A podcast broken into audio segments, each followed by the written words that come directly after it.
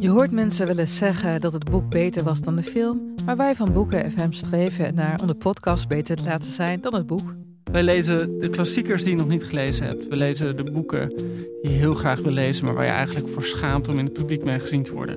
We lezen de Libris-winnaars. Uh, we praten over de Nobelprijslariaten. Allemaal zoals je een etentje hebt, dat je moeiteloos mee kan praten en dat het lijkt alsof je helemaal belezen bent. Wij zijn Ellen, Joost en Charlotte van Boeken FM en je kunt ons luisteren in je favoriete podcast-app.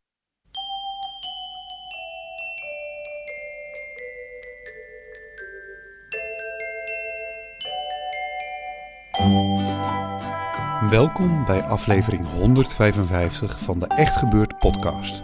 Waarin waargebeurde verhalen worden verteld door de mensen die het zelf hebben meegemaakt. In deze aflevering het verhaal van Echika Vorn. Het thema van die dag was Suriname.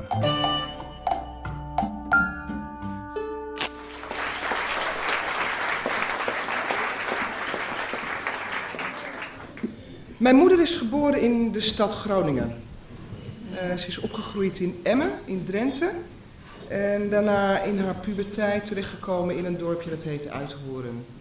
Mijn vader is geboren in Mungo. Het is een uh, bauxietstadje in Suriname. Is daarna naar Paramaribo verhuisd en is op zijn twintigste met de boot naar Amsterdam vertrokken. Daar hebben mijn ouders elkaar ontmoet. Ik ben geboren op de Hoogteke Dijk in Amsterdam-Oost. een buurman. Daarna ben ik naar Amsterdam-Noord gegaan. En uh, toen mijn ouders gingen scheiden, ik was ongeveer een jaar of vijf, heeft mijn moeder, uh, is mijn moeder met mij en mijn jongere zusje en mijn oudere broer verhuisd naar Uithoren, waar haar ouders woonden. En daar woonde ik uh, bij mijn opa en oma beneden het uh. En ik was dol op mijn oma. Ik had een oma, je kan je geen betere oma wensen. Het was eigenlijk meer een tweede moeder voor mij. En zeker toen wij nog bij haar in huis woonden, hoefde ik maar de trap op te lopen. En dan kon ik bij haar mini stekken, tekenen. Of ze maakte zo'n heerlijke uh, koffie heel erg verkeerd voor mij. Ik hield ontzettend veel van mijn oma. En toch verlangde ik waanzinnig naar mijn Surinaamse oma. Mijn onbekende oma.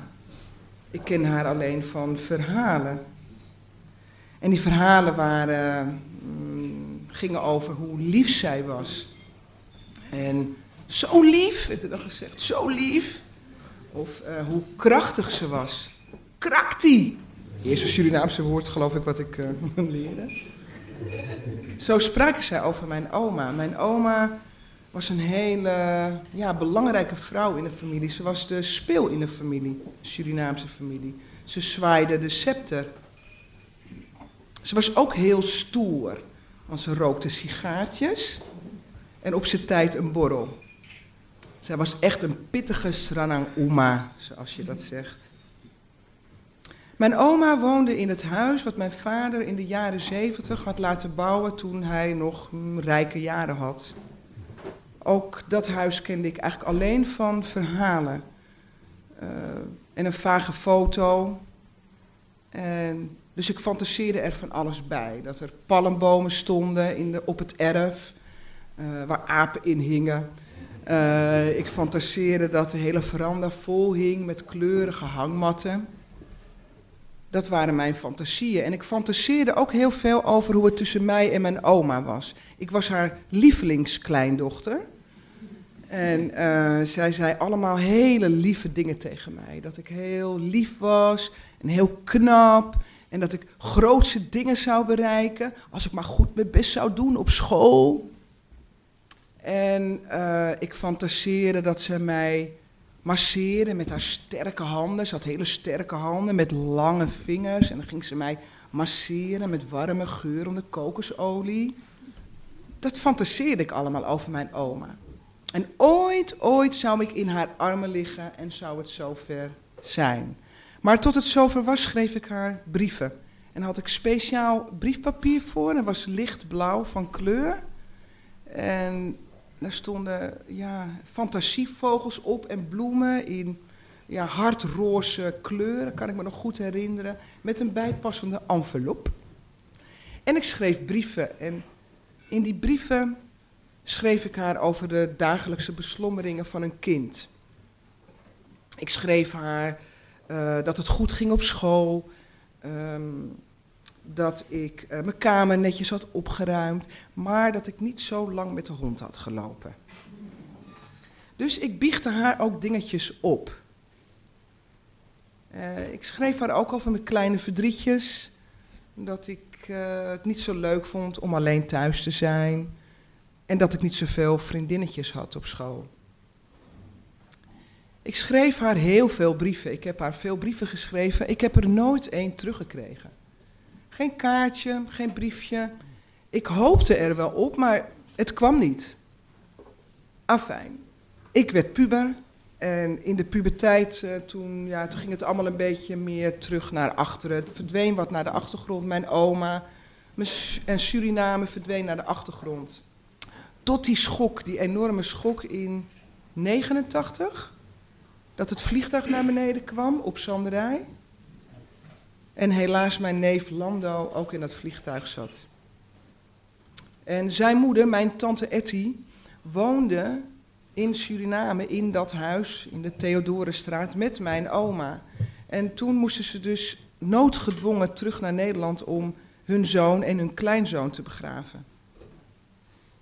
En het verhaal gaat dat mijn oma absoluut niet in die Isriforu wilde, de ijzeren vogel. Ze was al heel oud en ze was nog nooit uit Suriname weggegaan. En terwijl de hele familie in een diepe rouw was en, en heel verdrietig en, en eigenlijk in een enorme shock, kwam mijn verlangen in alle heftigheid terug. Ik zou mijn oma gaan zien. Mijn oma logeerde bij een andere dochter van haar. Dat was met tante Sylvie.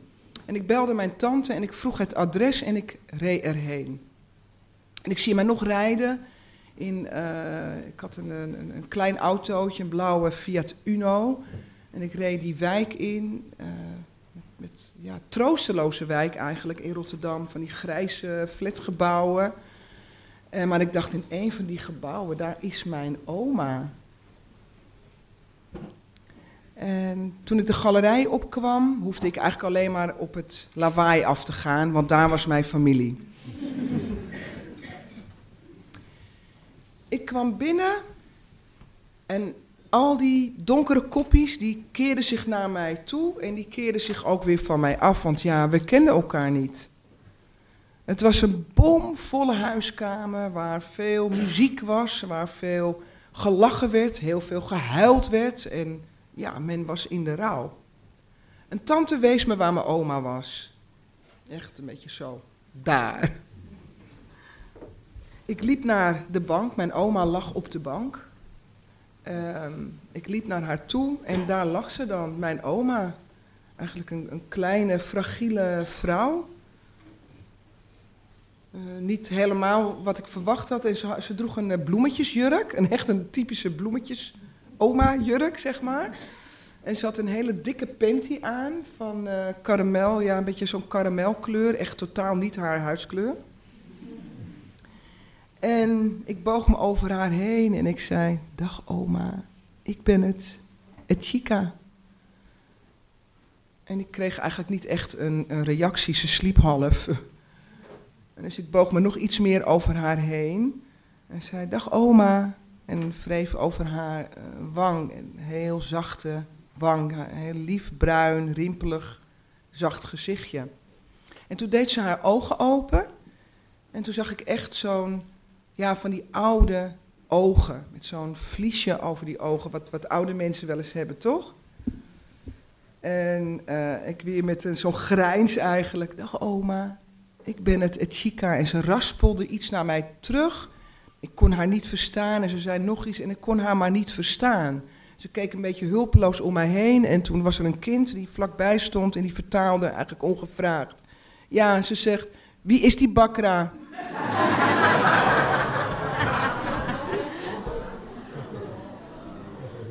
wie is die brutale vrouw die zich zo over mij heen buigt? Het was een klap voor me. Het was echt een klap. Ik was, ik was verdoofd. Ik voelde me heel verdrietig. Ik was enorm ja, verdrietig, verdoofd en ik voelde me afgewezen. De vrouw die daar dus lag, waar ik mijn leven lang naar verlangd had, die was zo dichtbij en verder weg dan ooit. Hmm. Een paar dagen later zag ik haar op de heftigste begrafenis die ik tot dan toe had meegemaakt van mijn neef Lando. Er waren honderden mensen. En ze waren allemaal gekleed in uh, ja, traditioneel zwart-wit. En die waren allemaal aan het huilen, aan het schreeuwen, aan het zingen. Uh, de dragers hadden de kist op hun, uh, met mijn neef daarin op hun schouders. En ja, Surinaamse dragers lopen niet. Die, die hossen en die gaan naar links en die gaan naar rechts en die gaan vooruit en ze gaan naar achteren en ze draaien rondjes. En het is heel heftig allemaal. Uh, het heeft ook allemaal een reden, maar dat ga ik nu maar allemaal niet vertellen. heeft iets met geest te maken die misleid moet worden. Totdat we bij het graf aankwamen.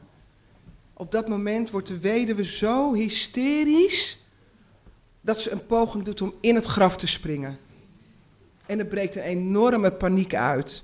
Want mijn oma, die ook aan de rand van het graf zat in een rolstoel, dreigde het graf ingereden te worden. De wielen waren al bijna over de rand. Ik hield mijn hart vast. Net op tijd werd de weduwe weggeduwd en mijn oma teruggetrokken. En iedereen wilde mijn oma natuurlijk troosten en, en geruststellen. Ik, ik ook. Ik probeerde haar ook steeds aan te raken, mijn oma, en contact te maken. Maar ja, voordat ik het wist, werd ik alweer door de massa weggeduwd. En gingen anderen zich om haar uh, bekommeren. En uh, het was een maand of vier later, toen stonden we met de familie weer rondom een graf. En dit keer was het mijn oma. Zeg maar alle emotie, uh, ja, het verdriet, de kou, weg van haar uit haar eigen land, dat, dat heeft ze gewoon niet kunnen overleven. Ze was al ver in haar negentig. En weer stond ik daar met mijn familie, die ik eigenlijk niet kende, en weer die scheuten van, ik wil nabij zijn, maar er is geen nabijheid. En nu was de belangrijkste slagader, mijn oma, was tjak, doorgesneden. Nou, toen een paar jaar later mijn vader ook overleed, toen dacht ik, dan ga ik nu maar echt zelf mijn roots opzoeken. Ik ga ervoor, ik wil weten wat die andere kant is. En ik ben in 1999 uh, ben ik voor het eerst naar Suriname gegaan.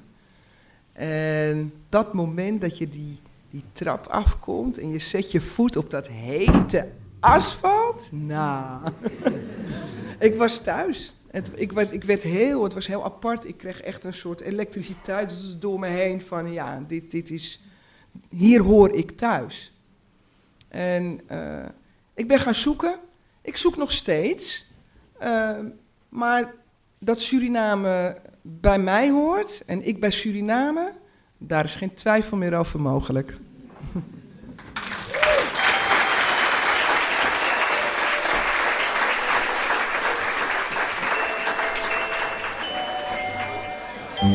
Dat was het verhaal van Echika Vorm. Echika is talentencoach en auteur van haar autobiografische debuut Dubbelbloed. Ga voor meer info naar dubbelbloed.eu. Echt gebeurd wordt iedere derde zondag van de maand opgenomen in Toemler onder het Hilton Hotel in Amsterdam. De komende aflevering is op 18 februari, maar die is helaas al uitverkocht. Gelukkig zijn er voor 18 maart nog wel kaartjes. Het thema van die middag is geweld. Heb je een goed verhaal of ken je een geweldige verteller? Ga dan naar echtgebeurd.net om je aan te melden. De redactie van Echt Gebeurd bestaat uit Paulien Cornelissen, Micha Wertheim, Rosa van Toledo en ikzelf Maarten Westerveen. De techniek is in handen van Nicolaas Vrijman en Gijsbert van der Wal. Tot de volgende keer.